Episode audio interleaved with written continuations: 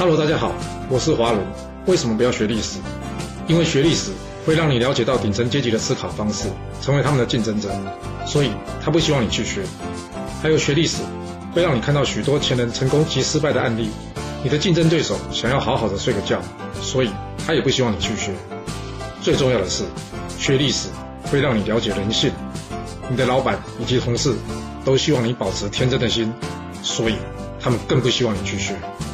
就是因为这些原因，接下来我要跟你说的是故事，而不是历史。今天的主题是：你知道你在老板眼中的价值吗？我们今天还是要说春秋时期晋文公的故事啊。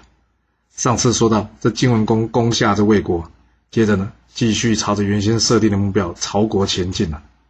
那这曹国呢原本就是个小国，哪里抵挡住晋国大军攻城啊？所以没多久呢也被攻下了。我们之前有说过啊，由于晋文公之前流亡时呢，曾经经过曹国，然后被曹国国君无理对待。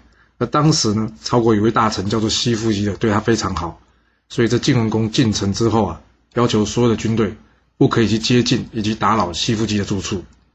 不过这个决定呢，却让攻下曹国的两位大将军啊，魏抽以及颠杰非常的不满。为什么这么说呢？因为这两个人呢，一个人呢抓到了曹国国君，一个人呢。斩杀了曹国的将领，但晋文公却没有特别奖励他们。晋文公呢，反而是对曾经招待他们吃过一顿饭的敌方大臣特别礼遇，这让这两人很吃味啊。所以他们两个怎么样？决定去放火烧死这西夫姬。那有没有成功呢？他们成功了。这可怜的西夫姬啊，就这样无端的被烧死了。但同时却发生了意外。什么意外？在这场大火之中啊，这魏抽自己呢也被火给烧成重伤。晋文公一听到自己的军队竟然有人不听命令去打扰西夫姬，更离谱的是去放火把西夫姬给烧死了。他一气之下要求将这犯事人给找出来，还要把这人呢给正法。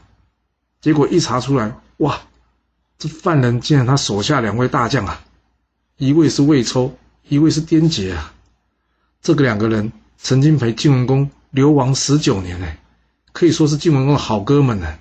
而且回国之后又屡立战功，哇，这该怎么办呢？但不管怎么说呢，这违反军令杀人是事实啊。晋文公最后决定了，按照军法将这两人处斩。就在这时候，一旁的大臣建议啊，这魏抽可是有万夫莫敌之勇啊。目前我们正准备与楚国大战呢。可不可以让他戴罪立功啊？哎，等等，怎么就没人帮颠杰说话？这是因为颠杰虽然也厉害，但是呢，却比不上魏抽的勇猛。两人虽然同时陪晋文公流亡了十九年，但到这节骨眼上啊，老板要不要留你活口呢？看的是什么？你的价值，而不是你过去的苦劳。没错，晋文公在听完这话之后呢，他同意啊，派着大臣先去看一下魏抽的伤势。若是魏抽的伤重了，无法立即投入作战，那魏抽的下场也是一死。这大臣呢，独自来见这魏抽啊。魏抽一听到啊，晋文公派人来看他，他马上起身啊，叫人家呢把他伤口包扎好。一旁士兵说：“哎呀，不可以啊，将军，你受了伤啊，应该躺着好好休息啊。”这魏抽跟士兵说：“我要是现在不起来，我就永远不用起来了。”于是呢，他穿上军服，下床来见这位大臣，并且呢。展示他的手脚，目的就是要告诉这个大臣，我还行，我还能作战。这大臣看完之后呢，向晋文公回报，这魏抽还可以作战呢。最后，晋文公决定了，这颠杰以杀人放火正犯的名义呢，把他给处决。那魏抽呢？魏抽呢，则是以同一个罪名的从犯被革职，要求他戴罪立功。说实话，其实两个人一起犯罪啊，但结果为什么完全不同呢？关键就在于怎么样，这个魏抽啊，在他老板，也就是晋文公心中的价值啊。要知道，这魏抽之前在楚国啊，可是曾经徒手制服过一头怪兽的，而这楚王呢，也还有楚国的士兵呢，都非常害怕魏抽这个勇士啊。现在大战在即，一旦只要亮出魏抽的招牌，我看对方大概已经先害怕七分了。由于此战呢，关系到晋文公是否能一战称霸。换句话说，已经年迈的晋文公啊。不见得有机会再等到下次与楚军一战了，所以这魏抽能不能就在这场战能派上用场，就成为他能否存下来的关键了。